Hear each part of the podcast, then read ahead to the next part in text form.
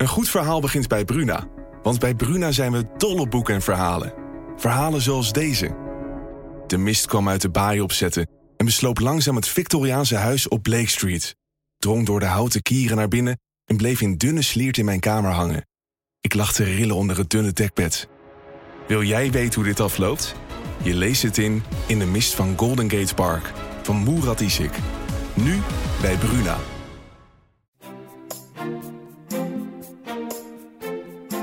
Dit is Kwestie van Centen, een podcast van de Financiële Telegraaf. Met Martin Visser en Herman Stam. Ja, hartelijk uh, welkom. Ook uh, Ruben Eg is uh, aangeschoven hier vandaag, onze expert op de woningmarkt. een van de vele experts.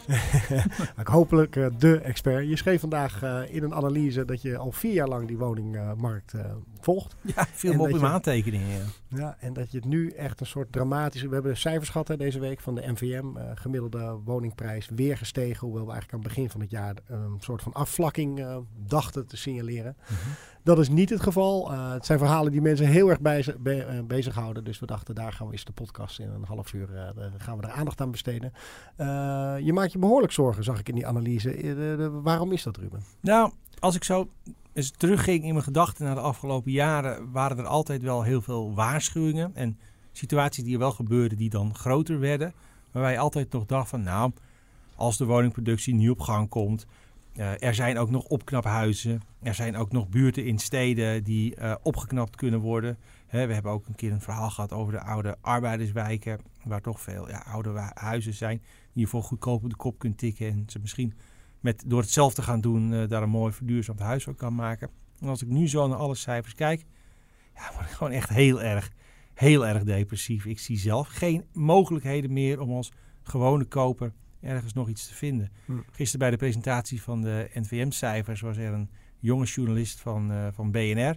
Die vroeg van, ja, waar kan ik nu een huis kopen? Ik woon in het Gooi en ik zoek wel iets in het Gooi, Amsterdam, Utrecht. Waarbij hm. toch eigenlijk de, de, de, de sombere conclusie was van, ja, kijk eens verder. Ja. Is Den Helder misschien wat voor je of zo? En dat is overigens, uh, je hebt, ik heb in Den Helder op school gezeten. Daar heb je hele mooie plekken. Uh, en ook heel veel mooie opknappen wijken. Wel een beetje ver weg als je inderdaad... Uh, nou, dat bedoel ik. Het werk concentreert zich uh, in de Randstad. En, mm. en wat dat betreft... in mijn aantekeningen van precies vier jaar geleden... werd er door de toenmalige NVM-voorzitter gepleit... voor betere OV-verbindingen... en, en, en, en, sowieso infrastructuur om het achterland te verbinden met de Randstad. Ja ja, niks van, helemaal maar, niets van gekomen. Maar uh, goed, ik ben zelf uh, sinds twee jaar huizeneigenaar. Ik ben helemaal niet zo in paniek, uh, Martin, als ik denk van nou, die prijs gaat lekker omhoog. Ik heb een goede investering gedaan.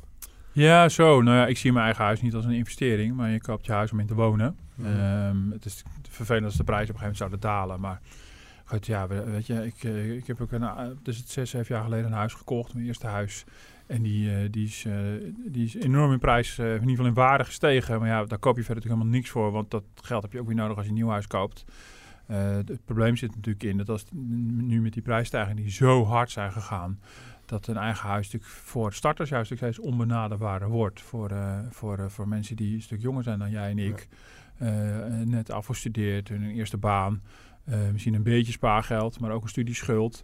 En daar zit ook vooral de zorg. En wat je natuurlijk gisteren zag bij, eh, bij de NVM is ook een analyse van een totale vastlopende woningmarkt, waarbij er ook geen doorstroming meer is. Waardoor, uh, dus het, is, het is een starter, maar ook een doorstromen van andere groepen op de woningmarkt.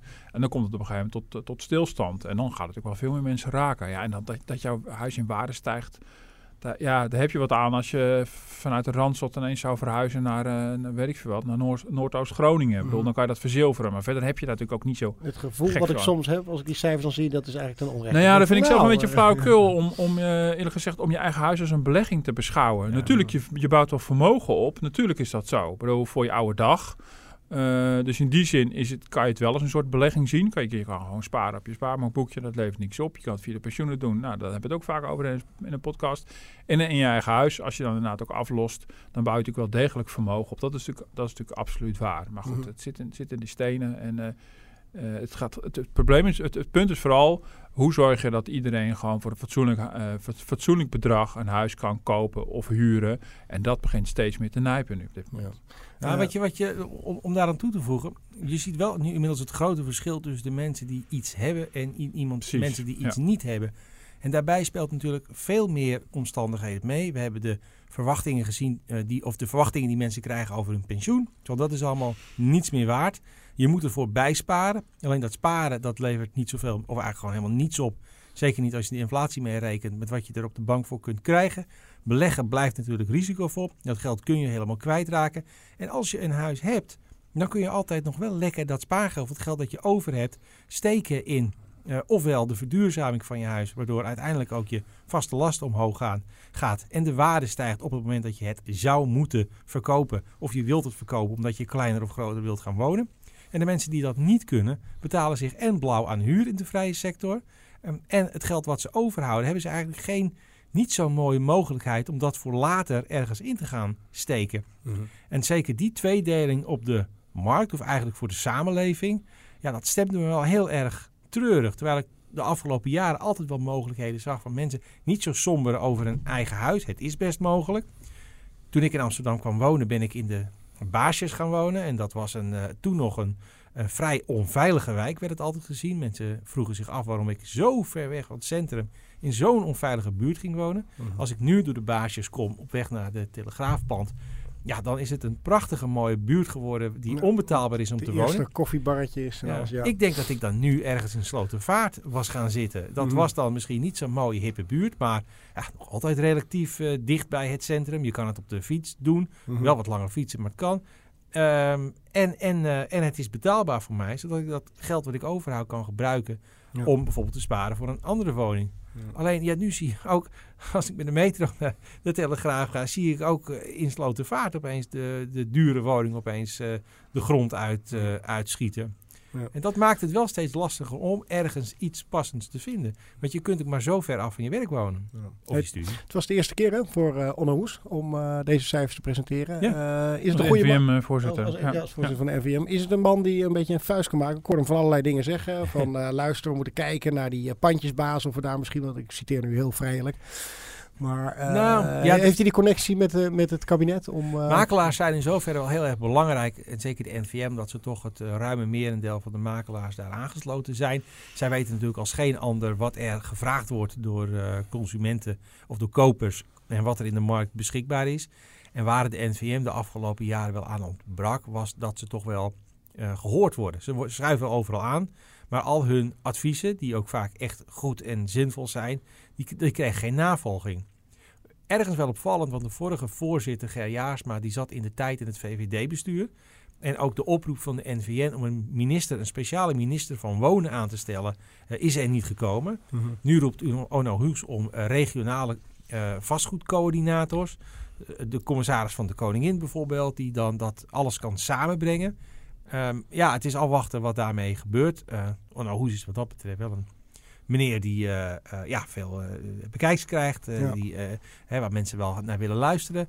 Ja, de vraag is ja, hoe kort zijn zijn lijntjes met, met de premier bijvoorbeeld. Ja. Dat wordt al belangrijk. Dat, ik vind dat wel een beetje ingewikkeld overigens. Nou, ik vind het overigens, mag ik dan nog zeggen, altijd wel een beetje ingewikkeld hoe bepaalde belangengroepen uh, al dan niet gehoord worden in het Haagse. Mm -hmm. We weten bijvoorbeeld het voorbeeld van de ANWB, die dan blijkbaar namens zoveel miljoen autorijders ineens voor de kilometerheffing is. Terwijl ik denk, ja, ik ben lid van de ANWB vanwege de wegenwacht. Mm -hmm. nou, NVM, daar ben ik natuurlijk helemaal geen lid van, ik ben geen makelaar. Kijk, de, het commerciële belang van een, van een makelaarsvereniging is natuurlijk vooral omzet draaien. Uh, en door hun uh, dominante positie van de NVM hebben ze heel veel zicht op de cijfers van de markt. Maar goed, ik vind dat vind wel opvallend uh, uh, uh, hoe, hoe, dat dan gaat. Maar die hebben dan wel weer een oud politicus die de weg in Den Haag wel weet. en een club als Vereniging Eigen Huis, waar je dan wel lid van bent om je als, als huiseigenaar te laten vertegenwoordigen. Die ja. ook wel vocaal is, maar die hebben er misschien weer niet op die manier die politieke linkjes. Dus, dus in, goed, uh, ik zie NVM dan ook vooral uh, als, als een club die goede analyses van de woningmarkt kan maken, omdat ze gewoon al die cijfers onder handen hebben uh, en, en, en voeling hebben met de dagelijkse praktijk. Ja. Um, maar wat ja, je bij makelaars nu bijvoorbeeld wel ziet, is in hun verkoopmarkt het aantal bestaande huizen, dat is, dat is aan het opdrogen. We hebben drie maanden geleden zagen we opeens een opvallende plus in het, in het vergroting van het aanbod. Dat bleek toen je onder de motorkap ging kijken, uh, uh, woningbezitters te zijn die al lange tijd dachten van, nou, ik ga verkopen. Bijvoorbeeld mensen met een eensgezinswoning die kleiner willen wonen, dat de kids het huis uit zijn. Die dan zeggen, nou, dit is het toppunt van de markt, we gaan nu verkopen. Je hebt daar heel veel mensen gedaan. Nu is dat aanbod echt gigantisch ingezakt. Waarbij je eigenlijk kunt zien, oké, de mensen die nu een koopwoning hebben, gaan daar dus niet meer uit. De woningmarkt moet nu gaan leunen op de nieuwbouw. Nou, die begint achter te raken. Ja. Waarbij makelaars het hele jaar al klagen van sommige projecten, daar wordt niet eens gebouwd. Omdat als mensen bij de voorinschrijving zien wat het huis moet gaan kosten, en dat is gemiddeld bijna 4 ton al, dan haken ze af. Dat kunnen ze gewoon letterlijk niet betalen. De loningen zijn niet, lonen zijn niet evenredig eh, meegestegen met de huizen. Dat gebeurde bij de vorige crisis ook niet. Alleen toen werden er allemaal rare leenconstructies bedacht, waardoor je veel meer kon bieden dan dat je eigenlijk kon betalen. En dat mag nu niet meer. Eh, wat dat betreft gaan ook beleggers niet meer betalen dan een bepaald, want die moeten ook hun rendement halen. Ehm, en daarmee zie je dat nu gewoon de woningmarkt in combinatie met de stikstofproblematiek, eh, de, de, de verduurzaming, ja, totaal begint stil te vallen. Ja. NVM eh, er- er verwacht voor dit jaar slechts een nieuwbouwproductie van 50.000. Nou, dat is allemaal nog niet in eh, beton gegoten, als ik maar een vergelijking mag treffen. Maar toch, dat is weer bijna terug naar het niveau van jaren geleden. Het is dan ongeveer de helft van wat je aan bouwproductie per jaar moet hebben om in ieder geval het tekort aan woningen in te kunnen lopen. Mm. Ja. Eh, Ja. Martin, probeer het net al eventjes eh, bij je aan te kijken. Ja, sorry, ja, ik kwam eens even tussendoor. Nee, maar niet uit, Ja, ja, ja. zeker niet. Maar ik Ja, maar jij wilde eh, één antwoord iets- hebben van wat moet er gebeuren. Ja, dat van jullie allebei. We proberen eens eventjes... eh Nou ja, stel, we zijn de minister Olongen. Nou ja, kijk, kijk, actueel is natuurlijk die stik- stikstofproblematiek. En dat is niet 1, 2, 3 verholpen. Nou is het plan van het kabinet wel dat kleinere projecten wel weer door mogen gaan. Wat, wat ik Onno Hoes gisteren ook hoorde zeggen, terecht. Dat hoor ik aan werkgeverskant ook zeggen. Dat heel veel gemeenten, provincies uit een angst dat hun eh, vergunningen spaak lopen bij de Raad van State. Maar helemaal niet geen vergunning meer afgeven. Eh, dat had het kabinet ook al geconstateerd. Dat er misschien nu zo'n enorme stikstofangst is bij, eh, bij de lagere overheden. Dat ze uit veiligheid maar alles maar on hold zetten. Nou, Ja. dat is echt een beetje zoeken van... is het in alle gevallen echt wel nodig? Ehm, verder is het ook een beetje afwachten... op welke, welke, welke truc het kabinet uit de hoed tovert wat betreft stikstof. Ja, en verder heb je natuurlijk een totaal gedecentraliseerde woningmarkt... wat op zichzelf wel enige logica heeft. Want op een decentraal niveau kent men de situatie het beste... Maar verwacht je van de minister, al eh, een al een heftige discussie over eh, op, de, op, de, op de redactie, verwacht je van de minister tegelijkertijd bij deze problematiek dat er wel een soort van centrale aansturing is. Zonder dat ze als minister de, de illusie moet hebben dat zij precies weet in welke, in welke plaats welke woning moet worden gebouwd. Maar ja, je verwacht nu wel een minister die op een gegeven moment de partijen met de koppen tegen elkaar aanslaat. Eh, Mhm. want iedereen houdt elkaar in de greep. Ik bedoel, de, de projectontwikkelaars zijn, eh, zijn niet tevreden over de plekken die ze krijgen. Of ze bouwen huizen niet voor de juiste doelgroepen. Eh, gemeenten zijn te traag. Eh, en wat je dus niet voelt is een soort van gezamenlijke verantwoordelijkheid van al die decentrale partijen. Dat er gewoon op landelijk niveau gewoon iets moet gebeuren. Wat, wat. Ruben al zegt, er komen 50.000 woningen waarschijnlijk bij. En volgens de berekeningen zou dat er 100.000 moeten zijn.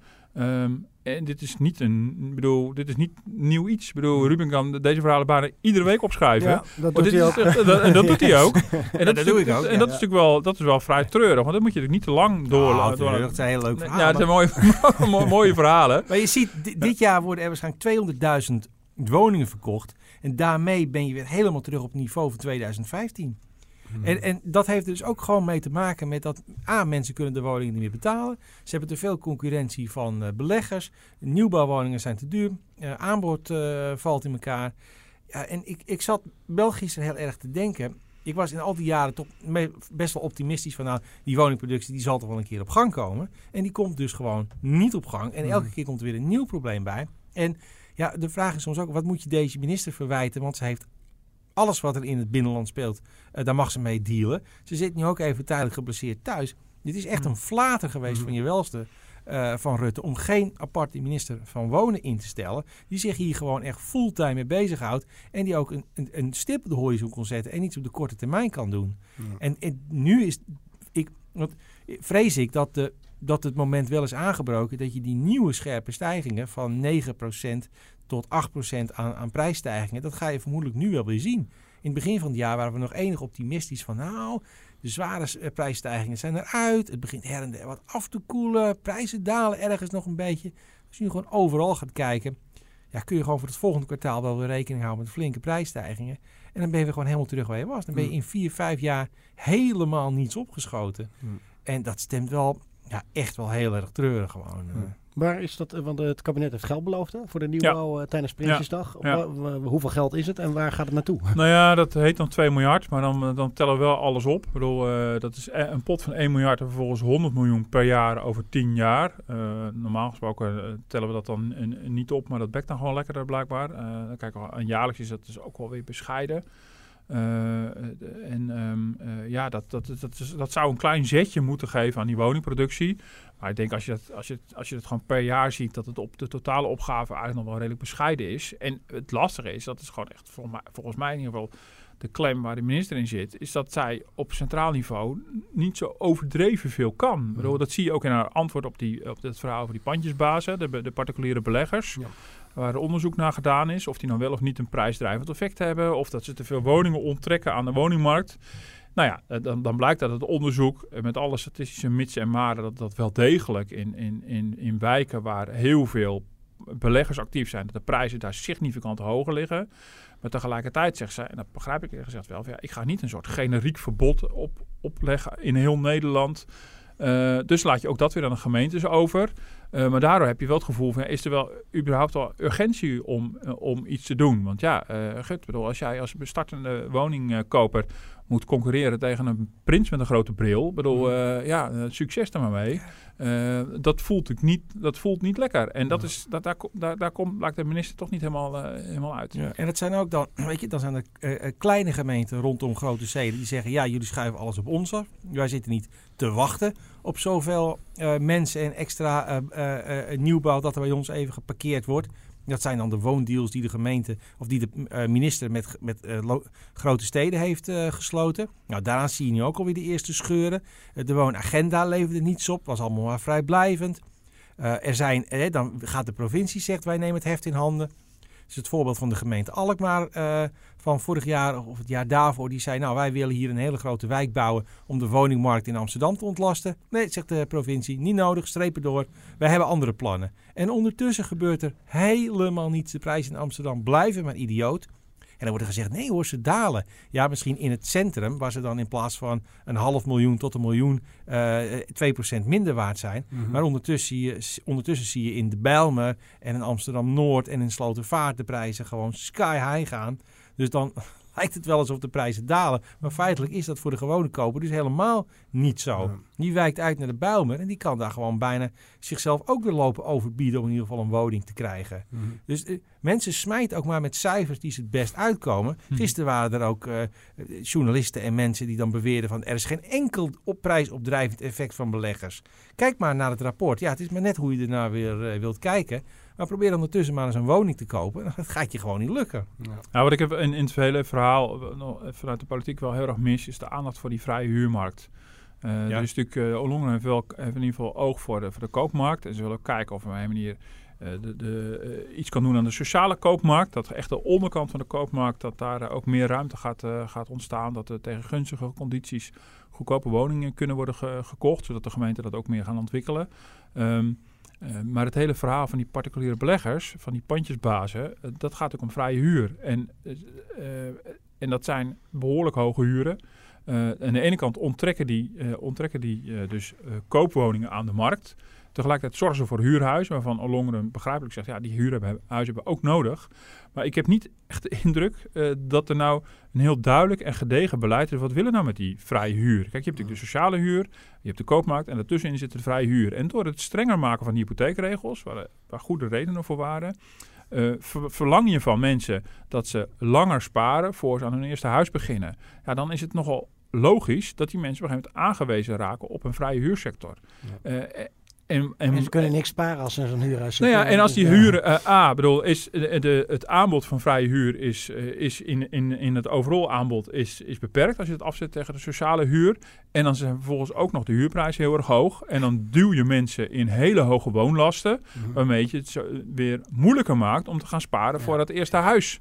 Ja, en misschien is, ik, weet, ik vind het ook ingewikkeld, maar misschien is de oplossing wel dat je een, toch een groter deel van die zogezegd vrije huurmarkt toch op een of andere manier meer gaat reguleren. Mhm. Dat je zorgt dat het toch betaalbaarder wordt. Want het is ook, er is ook heel veel voor te zeggen. hoor. Dat je mensen eerst een poos laat sparen, à la Duitsland. Een soort bouwsparen voordat je aan je huis begint. Dat je- steek je minder diep in de schulden.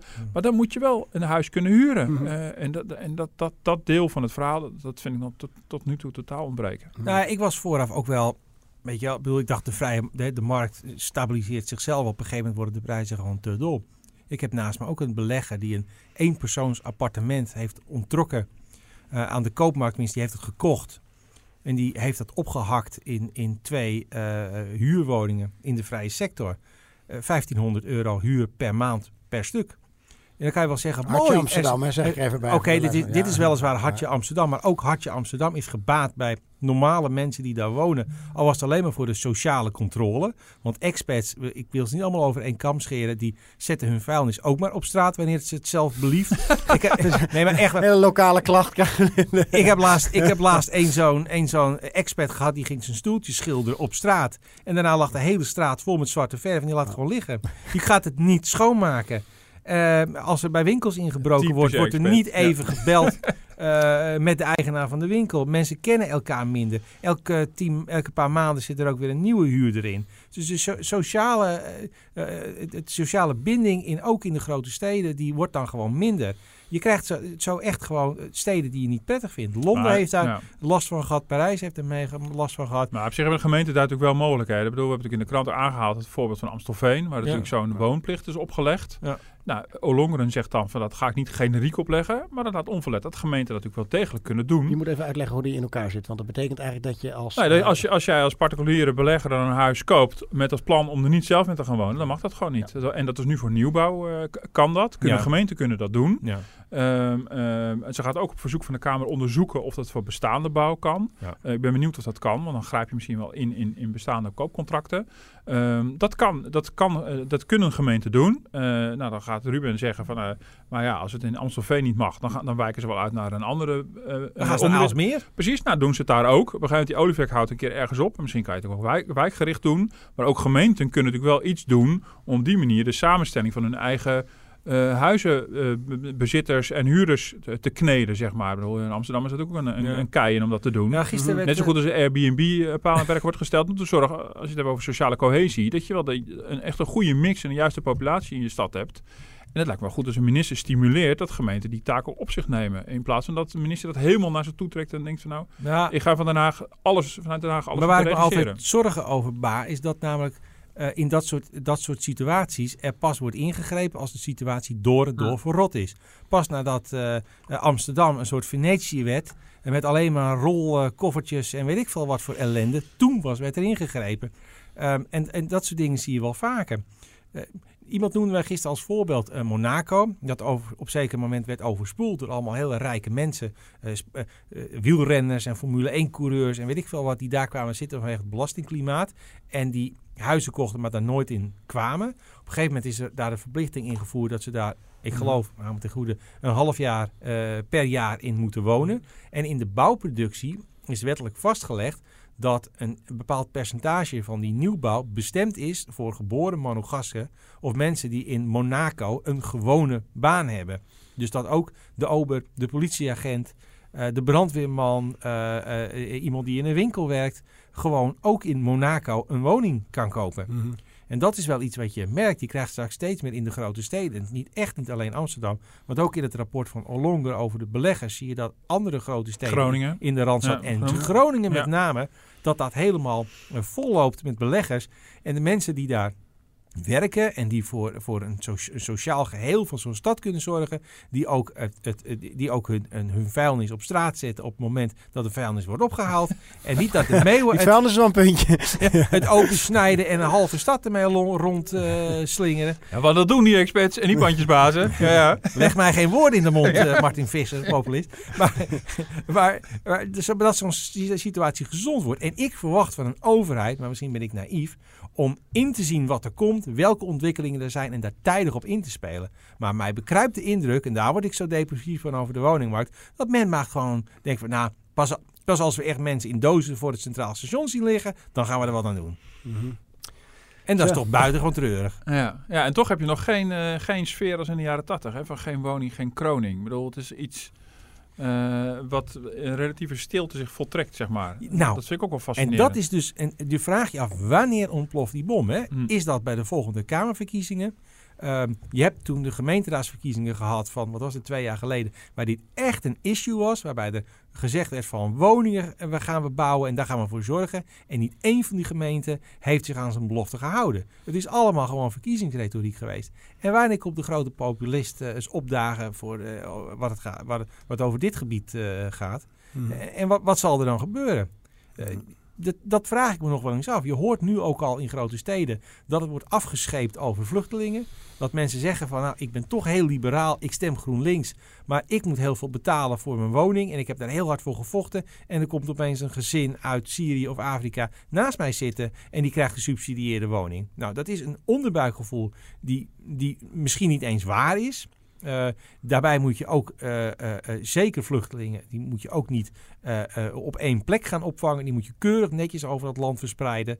en, en, en een goed onderdak geven enzovoort. Maar in zo'n markt waarin er een tekort is, krijg je dit soort populistische kwesties beginnen de kop op te steken. Mhm. En ik geloof niet dat je dat gaat willen, want dat gaat natuurlijk altijd uitmonden in weet ik wat voor onprettige situaties op straat. Ja. Martin, je hint er net al een beetje erop. Hè, van, ik weet niet waar het kabinet precies mee komt in die stikstofproblematiek. Ja. En, eh, het stilleggen van nieuwbouw. Waar denk je aan? Waar, waar, hoe, hoe kunnen ze hier onderuit komen? Nou, de, de, ja, ze zeggen zelf, er is niet één eh, magic bullet, of hoe, hoe, hoe ze dat ook noemen. Nou, daar ben- gaan we dus al. Ja, ik ben, ben bang dat dat ook niet zo is. Dat wordt helemaal niks. Nou ja, ja eh, gut, ja, weet je, er is een handigheidje be- bedacht een heel aantal jaar geleden. Ehm, geloof dat eh, mensen als Samson en Bleker daar nog eh, een rol in hebben gespeeld. Die nu weer op andere manieren weer, eh, weer, weer opduiken. Ehm, en toen is al eigenlijk een truc bedacht van laten we gewoon eh, eh, de, de emissies van nu salderen met wat we in de toekomst verwachten. Nou, dat, dat is gewoon afgeschoten. Dus in die zin is dat ook niet zo eh, eenvoudig. Eh, in werkgeverskring wordt wel gesuggereerd, ja, je kan gewoon een van de noodwetten, je kan het gewoon allemaal buiten werking stellen. Nou, daar geloof ik helemaal niks van. Uh, Minister Remkes zegt ook dat je die kant ook helemaal niet op moet gaan, want dan ga je nog veel dieper het juridische drijfzand in. Ehm, dus ja, dat is, dat is allemaal niet zo eenvoudig. Eh, dat blijkt. En eh, ik denk dat dat, ja, voor, voor zover ik het kan overzien, want ik vind het best wel ingewikkelde materie, ehm, is de aanpak die het kabinet doet, eh, klinkt wel logisch, alleen is het onnoemelijk traag. En eh, de aanpak is dat je gewoon echt per gebied zal moeten kijken. En, en dat het heel erg uitmaakt of het om een, een bouwproject gaat of om een boerenbedrijf. Of, eh, alleen, ja, het gaat heel erg langzaam. En er zit ook geen dat vind ik wel een probleem, geen perspectief in. Er wordt heel lang over nagedacht. Er liggen nu de eerste ideeën op tafel van hoe je, eh, hoe je misschien eh, toch weer kan sorteren, toch weer kleine projecten wel door kan laten gaan. Eh, her en der wat langzamer rijden, eh, de warme sanering van de boeren, boeren Mhm. uitkopen. Je wil Eh, toch weer die warme sanering. Weer die warme sanering. Ja, het lijkt me zo lekker om warm gesaneerd te worden. Ik bedoel, eh, ja, ja, mag maar wel bedoel- klaar zijn. Dan Ja. neem ik wel even onder hand. Maar eh, eh, alleen ja, het gaat traag. En dus, je hebt helemaal niet het gevoel van eh, dit is het tijdpad en daar komen we dan uit. Dus het is echt wel een soort. soort zo, je gaat met je blind die tunnel in, zeg maar. En dat, Mhm. dat, dat, dat geeft niet zo'n lekker gevoel. Ik, ben, ik denk dus dat die regionale aanpak wel logisch is. Maar ja, eh, nu, nu nog een perspectief zien. En nou goed, de bouw die zit er maar mooi mee. Overigens hebben, heeft- komt de bouw ook heel veel mensen tekort. Precies, dus ja, ik sowieso wilde net eh, zeggen van aan de ene kant. tekort op de Ja, arbeidsmarkt. eh, grond. ja, En vergeet dus er niet, zijn wel hè, meer problemen. ondertussen hangt ook nog altijd eh, de verduurzaming eh, boven wo- wooneigenaren, eh, eh, boven hun hoofd. Die weten ook nog altijd niet wat er van hun verlangd wordt. En dan wordt het ook weer gedaan, ja, dan in 2020 dan komen de gemeenten met wijk aanpakken. Nou, je kunt je hard vast ophouden. Nou, dat, ik, ook daar heb ik gewoon de grootste zorgen over wat daar wel niet bedacht wordt. Mhm. Als je ziet, weet de, de oudste huizen zitten vaak in de stadscentra. Kijk bijvoorbeeld naar Alkmaar of Haarlem, Utrecht, Amsterdam. Allemaal enkel glas. Eh, die zitten allemaal op het gas aangesloten. Geen enkele ruimte om, om iets te doen. Ik heb van de week weer heel veel regen op mijn dak gehad. Dat kan ik ook al niet afvoeren. Dus zo lastig is het al om bijvoorbeeld alleen maar water af te voeren. Hoe moet je dan ergens eh, elektriciteit gaan opwekken? Eh, woningeigenaren die net blij zijn dat ze een huis hebben gekocht, die krijgen straks weer zomaar iets in de maag gesplitst. Waarvan ze geen keuze hebben of geen kant op kunnen. En je moet, je moet en, nou, zou Martin zeggen, je moet eerst maar even afwachten wat er concreet gezegd wordt. Maar Hmm. in de afgelopen vier jaar ben ik wel tot de conclusie gekomen. Nou, daar komt helemaal niets van. Ja. Ik ben echt het geloof op in, in, een, in, in, in snelle oplossingen en ook duurzame oplossingen. Ben ik echt helemaal, helemaal kwijtgeraakt. Maar- Dit is, niemand ziet dit echt als zijn of haar probleem. Mhm. Is het voor die verduurzaming niet eh, interessant, juist dat mensen langer in een huis blijven zitten en dat ze denken, nou dat geld wat ik nu over heb, dat ga ik juist in die verduurzaming stoppen. Je hebt natuurlijk veel mensen die nu niet kiezen om te verhuizen. Zie je dat ook al terug in cijfers? Dat mensen dan maar zeggen van nou dan ga ik mijn huis maar wat meer opknappen. Probeer dat maar eens te doen in het centrum van de stad. In heel veel steden mag je al niet eens met de auto in het centrum komen. Dus ja, hoe moet je je materiaal even voeren, afvoeren? Eh, daar moet je allemaal vergunningen voor aanvragen. En hier ik spreek hier nu uit eigen ervaring. Mhm. Het wordt, wordt je niet eenvoudig gemaakt. Om alleen ook de ramen verwisselen, dan moet je weer allemaal stellages neerzetten. Kost ook weer klauwen met geld. Heb je vergunningen voor nodig? Moet je weer vergunning voor aanvragen? Gemeenten zeggen zelf, we hebben al te weinig ambtenaren. Hè, ze kunnen nu al niet eens de bouwvergunningen kunnen ze niet eens, eh, eh, niet eens, eh, niet, niet, niet eens aan. Nou, dan moeten ze ook nog van elke inwoner eh, in de stadscentra moeten ze nog even verbouwingsvergunningen moeten ze even doen en goedkeuren. En dat wordt één grote chaos. Dat kan ik je nu al wel voorspellen. Hmm. En het is belangrijk dat huizen verduurzaamd worden. Alleen het wordt, het wordt huizenbezitters en huizenkopers toch echt buitengewoon lastig eh, gemaakt. En dit helpt allemaal niet naar een echte gezonde, gezonde woningmarkt. eh. Ja. Ja, ik vond het wel aardig wat, eh, wat eh, NVM gisteren ook zei. Ook misschien wel hun belangen van, van de roulatie op de, arbeidsmarkt, op de woningmarkt. Eh, dat zei van ja, heel vaak als mensen gaan verhuizen, is dat het moment om te gaan investeren in hun huis. Hè? Want dan koop je Ja. een nieuw huis. En dat is een natuurlijk moment om ook dat bijvoorbeeld mee te pakken. En Ja. dat momentum heb je niet als er veel minder, eh, als er veel minder roulatie is op de, op de, op de woningmarkt. Tegelijkertijd ja, heb ik ook wel toch wel de indruk dat gewoon bij heel veel mensen eh, al wel op het netvlies staan van nou, misschien moet er toch een zonnepaneel op het dak. Of in mijn eigen VVE speelt dat bijvoorbeeld ook. Dus, dus in die zin gebeurt dat wel. Maar ja, dan wat anders dan de opgave die via het klimaatakkoord voor heel Nederland uiteindelijk is, is bedacht. Eh, en die geldt dus niet alleen voor de, voor de prachtige Phoenixwijken of, of de Juppenwijken of weet ik veel waar. Maar dat geldt voor heel Nederland. En eh, ook voor de, voor, de, voor de mensen met een kleine beurs. En die hebben ook geen idee wat er op hen afkomt. Dat is, Dus dat komt er allemaal nog bij. Ja, Ja. Het lijkt allemaal in de praktijk gewoon heel lastig. Ik had zelf, ik bedoel, ik was mijn woning aan het verbouwen de afgelopen jaar. Ik had een ruim bedrag over. Ik had aan de bank gevraagd, is het mogelijk om dat te besteden aan zonnepanelen? Ja, dat was goed. Maar ze moesten wel binnen twee maanden factuur hebben. Nou, je krijgt niet eens een offerte of antwoord op je verzoek om nu zonnepanelen te plaatsen. Je staat achter in een extreem lange rij, omdat iedereen dat wel van plan is.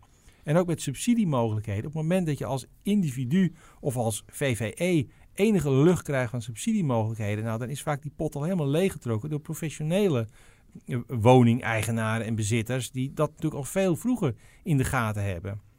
Ehm, ja, ik, ik ben echt, ik zie het echt zwart in. eh, ja. Ja. Nou, als er een, een flinke economische crisis overheen gaat, zeg ik dan Dan- optimistisch. Eh, dan is ook de krapte van de arbeidsmarkt weer een ander perspectief eh, geplaatst. Kijk, het gaat ook economisch ook heel goed. En, ehm, dus dat is ook, dat, dat, en dan zie je natuurlijk wel weer dat de, de zwakte van de Nederlandse economie is toch dat wij een enorme stuiterbal zijn. En dat zie je, Ja. dat zie je met name op de huizenmarkt. Eh, je hebt natuurlijk de, de klappen gezien op de huizenmarkt van de crisis. Maar nu zie je ook de Hosanna. Ook nog eens een keer aangejaagd door de extreem lage rente van meneer Mhm. Draghi. Wat een hypotheeklast misschien draaglijker maakt. Maar natuurlijk ook enorm stimulerend is om, eh om hogere hypotheken af te sluiten. Het is een stimulans voor, voor beleggers eh, om, eh, om allerlei alternatieve beleggingen te zoeken, zoals bijvoorbeeld op de woningmarkt. Dus ja, ja, wanneer dat normaliseert, weet ik niet. Maar ik denk, ja, dit zijn ook wel de gevolgen van, van economisch heel goede tijden. En dan zie je dat de Nederlandse woningmarkt extreem reageert. Ja. En het beleid daar achteraan sukkelt. Ik vraag me ook wel eens af, wat, wat gebeurt er nu met al die woningen die door eh, beleggers zijn gekocht en verhuurd worden voor een fijne prijs? Al- Als, als de economie eh, in elkaar zou storten en het wordt weer interessant om op de beurs een hoger rendement te pakken, zetten ze dan in de verkoop die huizen en, en voor welk bedrag? Eh, zouden ze bereid zijn om eh, de huren te laten zakken? Ik geloof niet dat, er, dat de huren vrij veel zijn gedaald in de afgelopen crisis. Eh, je ziet al bijvoorbeeld aan de leegstand van winkels. Er wordt altijd gezegd, ja, er moet een marktconforme prijs betaald worden. Maar ik zie winkels nu al in veel stadscentra gewoon lange tijden leeg staan. Dus klaarblijkelijk is die huur niet zo marktconform, maar het blijft toch gewoon leeg staan. Omdat dat nou eenmaal aantrekkelijker is. Daarbij zou je het ook nog eens een keer leeg kunnen verkopen als het toch moet. Dit gaat echt tot grote problemen leiden. Misschien komt dan inderdaad, jij noemde net de jaren tachtig weer. Misschien komt kraken dan wel weer terug. Eh, je gaat zo allemaal fenomenen wel weer terug... eh, Ja. Te- Gaan we bij, bij jou in huis wonen, slecht Ruben? idee, Gaan we je huis kraken, ja. Ja. Nou, mijn huis eh, die staat helemaal vol met LP's. Dus er valt verder niet zoveel te kraken. Die gooi je gewoon uit het raam, joh. Nou ja. Voordat dit eh, te ver uit de hand loopt Ik zal en jou eh, te persoonlijk warm... eh, hoe heet dat? Ik ga je hartelijk eh, danken Ruben, eh, voor al je kennis eh, wat je hier Ja, het hebt, spijt me dat we geen concrete oplossing hebben kunnen aandragen. Of mensen wat positiever hebben kunnen maken. Maar ja... Het zij zo. Eh, overigens, als laatste uitsmijter, maar, nee, jij, Martin zei net ook al van ja, je hebt een huis om in te wonen. Eh, het, het geldbejag, dat, dat, eh, eh, de, zucht op geld die mensen zelf ook hebben. Van mijn huis is zoveel waard. Het huis is het alleen, de waarde van het huis is alleen belangrijk op het moment dat je het koopt. En op het moment dat je dat om wat voor reden dan ook zou moeten verkopen. Of je wilt het verkopen omdat je ergens anders wilt wonen, groter of kleiner. En die eurotekens die mensen maar in hun ogen hebben over hoeveel hun huis wel niet meer waard is. En het op een gegeven moment dan. Hè, ik kwam gisteren een verhaal tegen van een meneer die zijn huis net gekocht had. Het met, eh, binnen een paar weken met winst had doorverkocht. Omdat er een belegger aan de deur stond. Die het even cash wilde doen. En vervolgens een jaar lang bij zijn moeder in huis zat. Omdat hij voor, ondanks die hogere overwaarde, geen nieuw huis kon vinden wat hij wilde hebben. zit je dan met je, met je Ja, winst. precies, daar zit je dan met je winsten. Dus wat is het nou waard? Geniet gewoon van het huis waar je in woont. Ehm, en laat je er ook vooral niet gek maken over die prijzen. eh, eh, eh. Het, het- het slaat allemaal nergens op. In een huis woon je, klaar. Kijk, toch nog een beetje een soort uh, optimistische... Stichtelijk woord, Ja. heel goed. Ja. Hartelijk dank eh, Ruben, hartelijk dank eh, Martin. Eh, we zijn te beluisteren op eh, Spotify en op iTunes. En eh, u kunt ons ook mailen als En u op daar eh, behoefte aan hebt. videotelegraaf.nl toch? Podcast.dft.nl eh, voor vragen of suggesties. Eh, tot de volgende keer.